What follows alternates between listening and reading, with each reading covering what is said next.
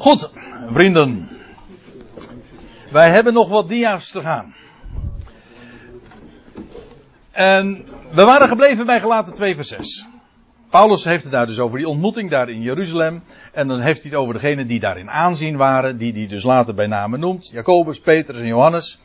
Hij zegt, mij hebben ze verder niets opgelegd. Of ook eh, raad gegeven zelfs. Waarmee dus Paulus ook aangeeft. Zij, degene die in aanzien waren. De steunpilaren. Apostelen van Christus. Die hebben mij niets opgelegd eh, of iets in de weg gestaan of zelfs maar geadviseerd. Want dat is wat uh, er werkelijk staat. Maar, zegt hij dan, integendeel. Integendeel zelfs. Toen zij zagen, waarnemend, dat mij, en nou moeten we even de boel scherp stellen. Want vrijwel alle vertalingen uh, gaan hier de mist in. Tenminste de moderne vertaling, want als u een statenvertaling hebt, staat het heel goed. En als die statenvertaling herzien. nou, je weet het wel, hè, hoe het dan gaat. Dat is een verbeterde weergave, zou dat dan zijn. En waarachtig, ja hoor, ze gaan weer de mist in. daar, ja, echt waar. Dat is geen oordeel, algemeen oordeel over de herziende statenvertaling, maar gewoon over specifiek dit ding de Statenvertaling was zo goed, gaan ze hem herzien. En dan zou je zeggen van nou alleen oh, eh, wat begrijpelijke Nederlands, dat lijkt me een loffelijk streven. Nee, juist de, de, een, de clue van de, van de weergave heeft men veranderd. Wat bedoel ik dit? Integendeel, toen zij, Jacobus, Petrus, Johannes, degenen die in aanzien waren, ze namen waar dat mij, en dan staat er een hele lange zin, maar in werkelijkheid staat er maar één zin. Dat mij het evangelie van de voorhuid was toevertrouwd. Het goede bericht van de voorhuid. Van voorhuid heeft men onbesnedenen gemaakt. Nou, daar is wat voor te zeggen. Maar goed, daar, eh, daar vallen we nu vanavond even niet over. Maar een ander ding is wel van belang. Ik heb het hier meteen maar even doorgekrast, want er staat niet aan. Er staat, er staat hier niet, het gaat hier niet over een adressering. Het gaat gewoon over het evangelie van de vooruit. Niet aan de vooruit, maar van de vooruit. Dat wil zeggen, het gaat over een goed bericht. En dan staat er een, dat noemen ze een tweede naamvol of een genitief. Het evangelie van de voorhuid. En dat is iets heel anders dan een evangelie aan de onbesneden. Kijk, om maar wat te noemen. Je hebt muziek laat ik een voorbeeld geven. Je hebt uh, muziek van de Mexicanen.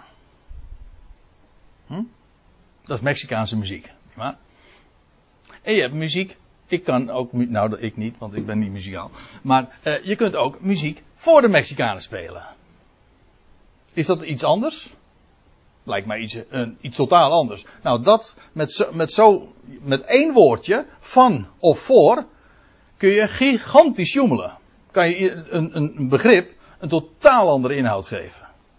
Van muziek van de Mexicanen maak je dan ineens muziek voor de Mexicanen. Als het, als het Mexicaanse muziek is, ja, dat is dan heel duidelijk. Dat zegt dan iets over die muziek. In dit geval, het is het evangelie van de voorhuid. Wat zegt dat over dat evangelie? Wel, het is gekarakteriseerd door de voorhuid. Het zegt iets over dat goede bericht.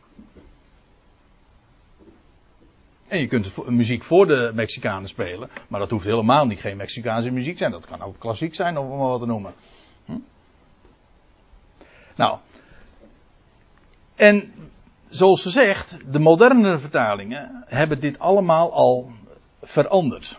En nou zijn we notabene bij ja, toch de clue terechtgekomen van Paulus' betoog. Nou is, ontmoette hij Petrus, Jacobus en Johannes. Nou zijn ze allemaal bij elkaar. Vindt een ontmoeting plaats. Ze merken iets op. En juist op dat moment gaan ze de bol verdraaien. Waarmee men dan ook aangeeft dat men het hele voorgaande van de betoog niet begrepen heeft. Het gaat hier namelijk juist over het feit dat aan Paulus was een evangelie toevertrouwd van de voorhuid het zegt iets over het evangelie dat aan hem was gegeven. Wat is dat? Wel, in hoofdstuk 1 vers 1 hadden we al, eh, hoofdstuk 1 vers 11. Het was niet van een mens ontvangen. Hij had het niet van een mens ontvangen. Uh, ook niet door een mens geleerd. Onafhankelijk van Petrus en zijn, en zijn kornuiten, consorten, ja. En het is een evangelie van de voorhuid. Om het eventjes populair te zeggen, het is een heidens evangelie. Een onbesneden evangelie. Ja, dat is eigenlijk wat het dan is. Als muziek van de Mexicanen Mexicaanse muziek is, dan is evangelie van de voorhuid. Dus, of evangelie van de onbesnedenen is dus onbes, nee, evangelie van de onbesnedenen is dus een onbesneden evangelie. Ja?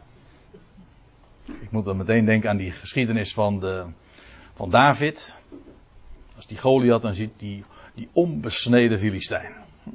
Nou, Paulus had een onbesneden evangelie. Dat was natuurlijk niet echt een compliment. Vanuit Joodse optiek in ieder geval niet. Maar Paulus had een onbesneden, een heidens evangelie, helemaal losstaand dus van de besnijdenis. Hij had een goed bericht voor mensen die niet besneden waren. Niet van, hij, het was niet de boodschap van, ja, nu moet je je laten besnijden. Juist niet. Het was, zijn, die hele boodschap had niets met de besnijdenis van doen. En of je nou wel of niet besneden, deed totaal niet de zaak. En wat ik nu zeg, dat is een refrein in zijn brieven. Want besneden zijn of niet besneden zijn betekent niets. Daag me niet uit, want ik kan het u in diverse brieven zo, zo zoals ik het nu zeg, ook laten zien. Of het nou in 1 Korinthe 7, Galaten 6 zegt hij het. Hij, hij sluit ook deze brief ermee af. Oh, oh. Ja. Nou ja. Dat, uh, dat ruimen we straks wel even op. Uh, in Galaten 6, uh, zo sluit hij daar af.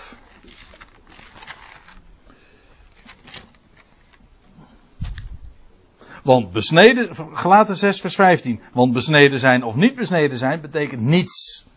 Maar of men, kijk dus het evangelie van de vooruit.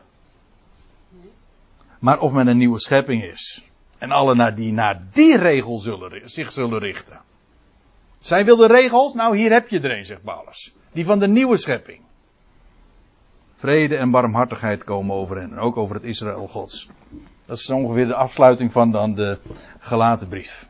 Maar het evangelie van de voorheid, dat is dus een, inderdaad een onbesneden, een heidens evangelie. Waarin de besnijdenis en alles wat daarmee verband houdt, geen enkele rol en ook Israël ook geen rol in speelt. Sterker nog, het heeft juist te maken met de terzijdestelling. De tijdelijke terzijdestelling van Israël. Maar daar hadden we de vorige keer al even over. Nou, ja? Betekent CS? Uh, consorten. Ja, met, uh, dus onafhankelijk van Petrus en uh, degene die bij hem horen.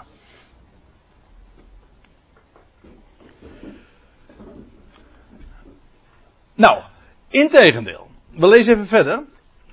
Waarnemend dat mij het evangelie van de voorhuid was toevertrouwd.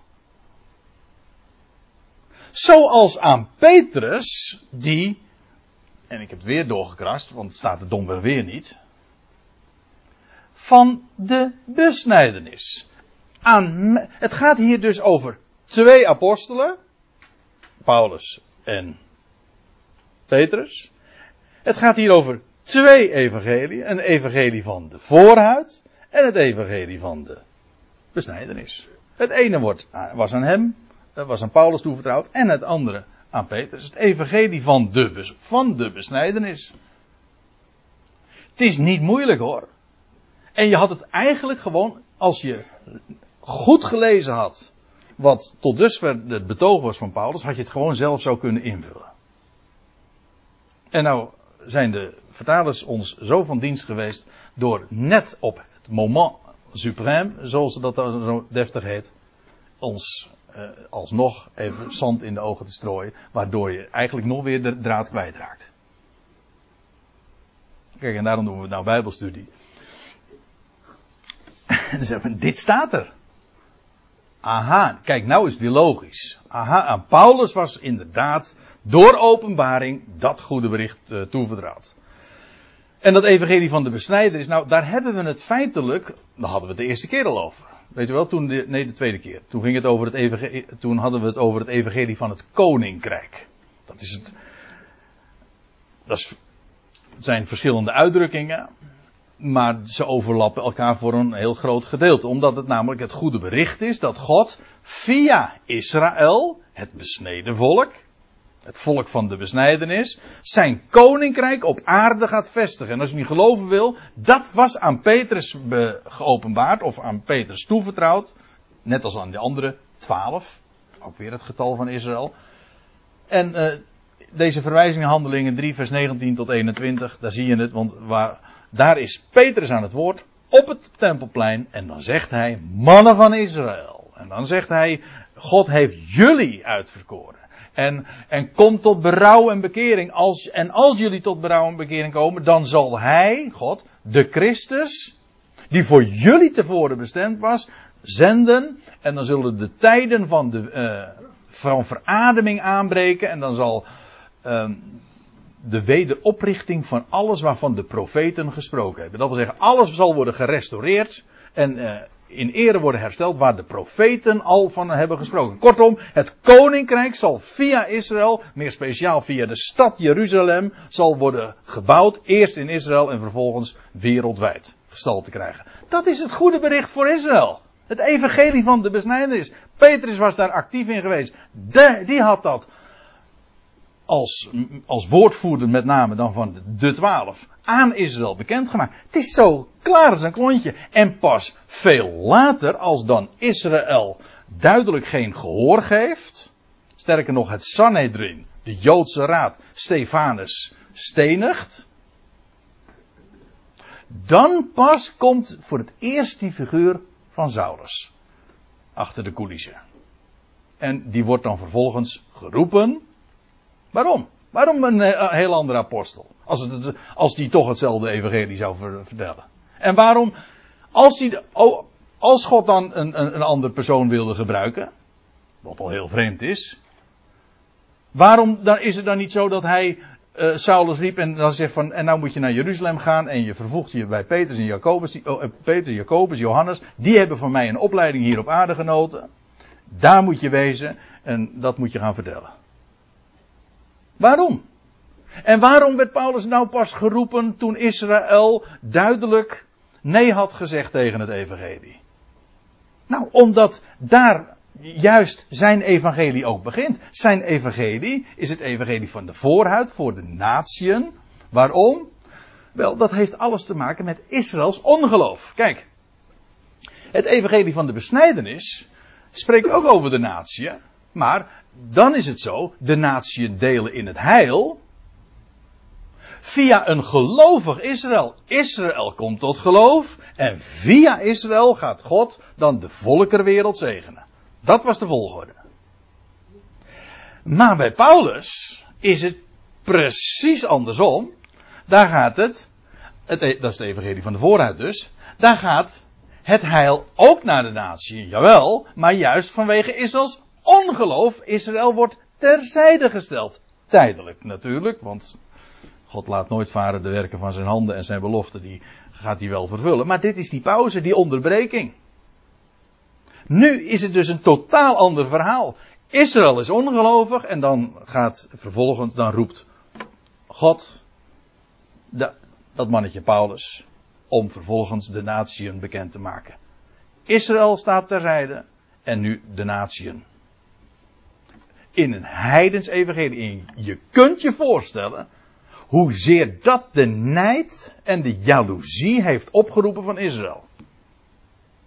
Om hun tot jaloersheid te wekken, zegt hij dan ook. Nou, dat, dat gebeurt ook wel hoor. Het wordt heel vaak uh, positief opgevat. Hè, om hun tot jaloersheid te wekken. Nee, ja, maar het is ook de nijd. Maar wij toch? Als Paulus in, Galaats, in, uh, in Jeruzalem dan, net voordat hij gevangen genomen wordt, nog eh, zich mag richten tot het Joodse publiek. En dan staat hij daar op, de, op die trappen van de tempel. En dan spreekt hij daar die, die mensenmenigte die, die hem eigenlijk wilde lynchen. Uh, spreekt hij nog toe. En dan vertelt hij zijn verhaal. Moet je het maar eens lezen in Handelingen 21. Uh, zeg ik het goed? Ja, Handelingen 21. Ja. En dan, dan mag hij zijn verhaal vertellen. En dan staat er totdat hij uh, op een gegeven ogenblik dan zegt dat de Heer zegt van wegwezen uit Jeruzalem. Want ik zend je naar de. Want ze zullen, je, ze zullen van u de boodschap niet aannemen. Ga nu naar de natie. En dan lees je in Handelingen 21. En ze hoorden hem aan tot dit moment. En dan wordt, dan wordt die hele menigte, die Joodse menigte, wordt helemaal gek. Deze, weg van de aarde, deze man. Hij is niet waard om te, leven. Verder te leven. Dat was de gift. Israël ongelovig en nu gaat de boodschap naar de natie. Die zomaar vrij uit zonder dat ze iets moeten doen, dat allemaal mag horen. Al die mooie dingen. Nijd en jaloezie.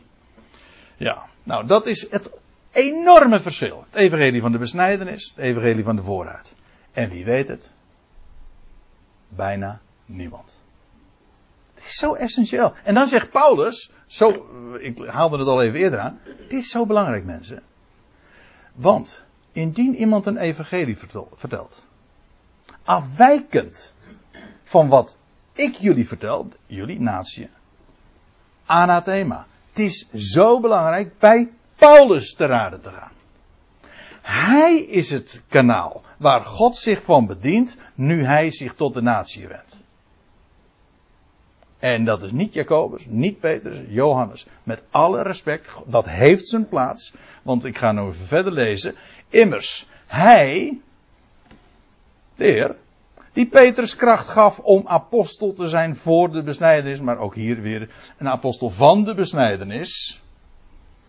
Tot apostelschap van de besnijdenis. Petrus had die kracht gekregen. Hij was, God was inwerkende in hem.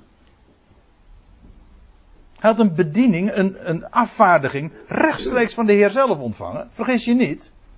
Alleen, de geschiedenis was voortgegaan. Israël had de, boodschap afgewezen. En nu had de Heer uh, zich gewend tot Paulus. Met, zeg maar, een update. Om het even in computertermen te zeggen zoveel meer wetend inmiddels. Maar neemt niet weg, Petrus was van Gods wegen geroepen. En een apostel van de besnijders. Wel, zegt Paulus, diezelfde Heer gaf die kracht ook aan mij voor de natie tot in de natie. Oh, die uh, moet ik even weghalen, dat uh, deugt niet. Maar in ieder geval, Zo zet Paulus dat neer. Twee evangeliën, twee apostelen. En dat moet, dat moet je dus niet mixen. Het gaat hier over twee verschillende goede berichten. Nou, en dan komen we bij vers 9 van Galaten 2. En toen zij, wie? Nou, zij die in aanzien waren. En nu worden ze ook bij name genoemd. En toen zij de genade opmerkte, of letterlijk staat er, uh, kennende de genade. mooi hè? Want wat die Jacobus, Petrus en Johannes zien, is genade bij Paulus. Vreugde. Vreugde om niet. Dat is wat genade is. Vreugde om niet. Dat is wat hij niet alleen zelf had, maar ook doorgaf karakteristiek was voor zijn goede bericht. Niets, het had niets met rituelen te maken, niets met besnijdenis, nee, gewoon puur om niet. Toen zij de genade. En ik, je kunt er uh, natuurlijk uh, zeker van zijn, en dat is ook wat later uh, in het vervolg, want daar gaan we het vanavond niet meer over hebben. Maar wat je in het vervolg van Galaten 2 ziet, is dat die, die in aanzien waren, daar in Jeruzalem. Dat geldt voor Jacobus ook hadden het in de pauze nog even over, over die figuur eh, Jacobus, de broeder des Heren. Maar ze hebben veel moeite gehad hoor met Paulus. En Petrus ook, dat weten we ook. En zelfs aan het eind van zijn leven zegt hij dat nog. Hoewel die dan tot de erkenning komt, bij hem moet je wezen. Maar, zwaar om te verstaan. Hij heeft wat moeten leren en weer bij moeten stellen. Ze dachten allemaal van ja, via Israël moet het gaan gebeuren. En, toen, en, dan, en dan komt daar een, een, die Paulus en die gaat vertellen: nee, Israël staat terzijde. Geloof niet. En nu gaat God een heel andere weg. Dat is slikken geweest. Een totaal andere mindset kregen ze daardoor.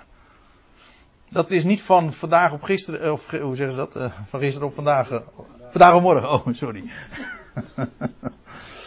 ja, ik ben hier in Rotterdam, of heeft daar niks mee te maken. Dat is niet iets van vandaag op morgen. Dat is niet van een, even een nachtje slapen en dan ben ik eruit. Nee, dat is, dan moet je helemaal omdenken. Hoeveel mensen zijn er niet die de gigantische moeite hebben. Ik had vandaag nog een gesprekje. Uh, met iemand die ja, uit een kerkelijk milieu komt. Het goede bericht leert kennen van, van de apostel Paulus. En zo, wat een verandering zeg. Zo compleet anders. Dat is niet wat je van, van eventjes uh, in een paar uh, momenten. Het is ook niet alleen maar, dat is geen theorie. Een heel andere manier van, van kijken en dat je dingen gaat, wat je nooit gehoord had, het blijkt heel anders te zijn. Nou, daar ben je niet zomaar vanaf. Van traditie. En dat is met Jacobus, Petrus en Johannes ook zo geweest, maar ze hebben de genade opgemerkt. En dat is toch wel geweldig. Dat ondanks het feit dat Paulus niet naar Jeruzalem was gegaan om gecertificeerd te worden door hen, om het even zo te zeggen. Ze hebben wel als apostelen van Christus opgemerkt en erkend de genade die aan Paulus geschonken was. Trouwens, er staat hier niet in de verleden tijd, maar tegenwoordige tijd. De genade die, die mij gegeven wordt. Nog steeds dus. Niet één keer ooit in het verleden, nee, de genade die mij gegeven wordt in mijn bediening onder de natie. Nou, zij, toen ze dat kenden en erkenden, die genade die mij gegeven wordt, toen reikte Jacobus, Kefas, dat is een Aramese naam, maar dezelfde, dezelfde betekenis als, Kef, als Petrus, en Johannes, die voor steunpilaren, golden. Ik heb al een paar keer al uh, daarop gezinspeeld over deze uitdrukking. Zij waren die pilaren daar in Jeruzalem. Vergis u niet trouwens hoor. Die gemeente in Jeruzalem, later wordt uh, in, Gela in Galaten 2 noemt Paulus het de kring van Jacobus. Maar die omvatte tienduizenden Joden. Dat lees je in Handelingen 21, vers 20 of 21. Er wordt gesproken over myriaden van Joden die gelovig waren geworden in het Evangelie. Dat wil zeggen, het Evangelie geloofde dat Jezus de Messias was, maar allemaal waren ze ijveraars voor de wet, staat er. Dus dat was een heel groot gezelschap. Nou, en zij in, in die kring, in die grote community, zeg maar, waren Jacobus, Kefes en Johannes de steunpilaren. Nou, en zij, en let even ook op die volgorde. Jacobus, Kefas en Johannes. Want dat is precies zoals wij ze ook in de Bijbel kennen. Het is precies naar deze volgorde dat wij ook hun brieven vinden in het Nieuwe Testament. Hun brieven zijn geplaatst in de oorspronkelijke manuscripten. Zie je die brieven geordend heb je de brieven van Paulus. En je hebt de brieven van Jacobus, Kefas, Johannes. Zo vinden we ze ook in het Nieuwe Testament. Dat is niet zomaar. Nee, dat heeft alles te maken met Galaten 2 vers 9. Dat heeft te maken met de wijze waarop de schrift is ingedeeld namelijk. Zodat je ook precies weet van wat voor wie is. Jacobus, de brief van Jacobus. Trouwens, zelfs al zou je dat hier in deze afspraak nog niet weten, dan, dan zou de brieven toch al de aanhef en de adressering, de envelop het al duidelijk maken. Jacobus. Slaaf van Christus, slaaf van Christus, eh, Jezus Christus, zegt hij dan, aan de twaalf stammen in de verstrooiing. Aan wie zou toch die brief gericht zijn? Ja, dat zijn serieuze vragen. Ik, zal je vertellen, ik heb een boekje in huis uitgegeven door de EO. En dat gaat over de katholieke brieven. De algemene of katholieke brieven. Heeft niks te maken met de katholieke kerk, maar de algemene brieven worden ze genoemd. Weet u wat, welke brieven dat zijn? Dat zijn de brieven van Jacobus, Kefas en Johannes. En dat worden genoemd de algemene brieven. En dat is zo leuk. Want de Bijbel zegt, deze heren, deze mannen, die, deze steunpilaren richten zich tot de besnijderis. Ik loop nou even voor de fanfare uit, want uh, dat staat in de volgende zin. Maar laten we het lezen. Ze, ze merken dus de genade op, die aan Paulus geschonken wordt. En toen reikte Jacobus, Kevers en Johannes, die voor steunpilaren golden, mij en Barnabas, Paulus medewerker, de broederhand. Of letterlijk de rechter, dat wil zeggen de rechterhand van de gemeenschap. Eén daarin. En met alle moeite die ze wellicht daarin mee gehad hebben, eh, en ook onbegrip, ze begrepen het niet, maar ze merkten de genade op. Ze konden er niet onderuit dat zij, dat deze Paulus van Gods wegen geroepen was. En ze erkenden de genade. En daarom, ze reikten hem de rechterhand van gemeenschap. Dat is ook wat, de rechterhand, wat het uitbeeldt als je de rechterhand geeft. Eenheid, gemeenschap. En wat bezegelden ze daarmee? Wel, wij, Paulus en Barnabas, zouden naar de natieën gaan. En zij, wie? Jacobus, Petrus en Johannes, naar de, naar de besnijdenis gaan. Hoezo katholieke brieven? Dat zijn geen katholieke brieven, dat zijn besnijdenisbrieven. Juist die wijze waarop ze hier als namen en de volgorde gepresenteerd worden, geeft dus aan, dit is de indeling van de schriften. Namelijk, enerzijds de brieven van Paulus, die gericht zijn, die hebben geen beperking, die zijn zonder limits. Wie je maar horen wil, de natieën in het algemeen. Zelfs ook, ik bedoel, Paulus was zelf een Jood, weliswaar besneden, maar het evangelie van de vooruit. Maar deze brieven hebben geen beperking. Ze zijn gericht aan de natieën. De brieven van Jacobus, van Petrus, Johannes, die hadden wel een beperking. Die zijn gericht aan de besnijderis. Hebben heel uitdrukkelijk ook met dat volk te maken. En in de toekomst, ja, ik vind dat zo prachtig. Hè? Want straks is het werk van God onder de natieën compleet. De volheid der natieën heet dat dan in Romeinen 11. Die gaat dan in. En weet je wat er dan gebeurt? Dan pakt God de draad weer op met Israël. En welke brieven denkt u dat er dan weer actueel gaan worden? De brieven, ja, die katholieke brieven, precies. Ja. En nu? Nou, het is nog heel simpel. Nu leven we in die onderbreking van de heilshistorie. Dat Israël terzijde staat. De besnijdenis staat terzijde. En God roept Paulus. Met het evangelie van de voorhuid. En dat gaat naar de natie toe. En daar zouden we onze oor naar te luisteren leggen. En het is de meest geweldige, het is een onovertroffen boodschap. Zo'n hoogtepunt. Ja, niet alleen maar omdat het uh, rechtstreeks vanuit de hemel aan Paulus is geopenbaard. Maar zulke vergezichten. Zo groots. Wijds. Diep. De lengte, de breedte, de hoogte en de diepte. Hè? Daar heeft Paulus het dan in Efezebrief over. Zo geweldig. En ook zulke onnaspeurlijke genade en rijkdom. Puur om niet. Het is het meest geweldig. Als er iets is wat een mens blij maakt, dan is dat die goede tijding van de apostel Paulus. Paulus zegt dat als hun, hun val, heeft hij in Romeinen 11, hun val, nou moet ik het even goed lezen.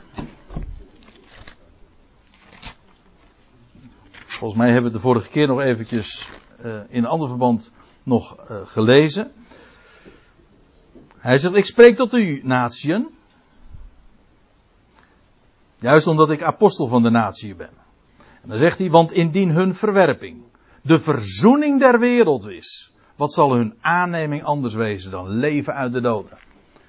Nu is zij verwerpen de Messias. Bovendien, God heeft hen nu ook terzijde gesteld. Maar die dat feit, dat is de verzoening der wereld. De boodschap die nu klinkt, het evangelie van Paulus, dat is de verzoening der wereld.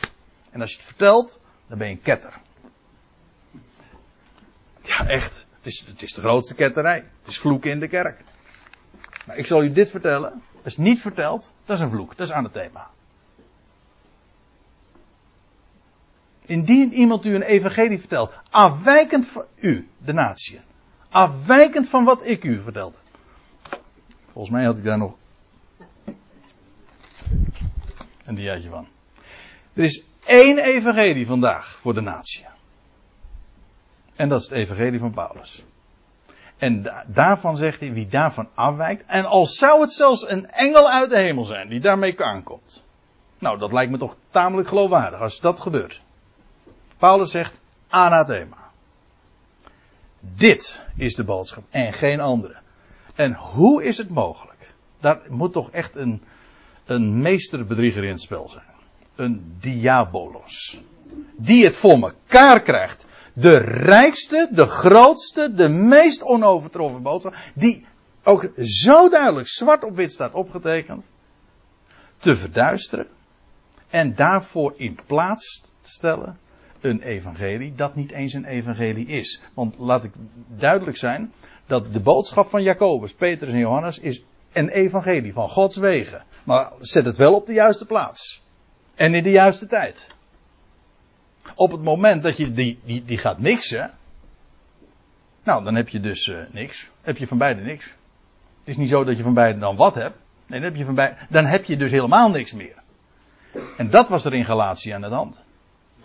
En dat evangelie, tussen aanhalingstekens, dat wordt onderwegen geserveerd.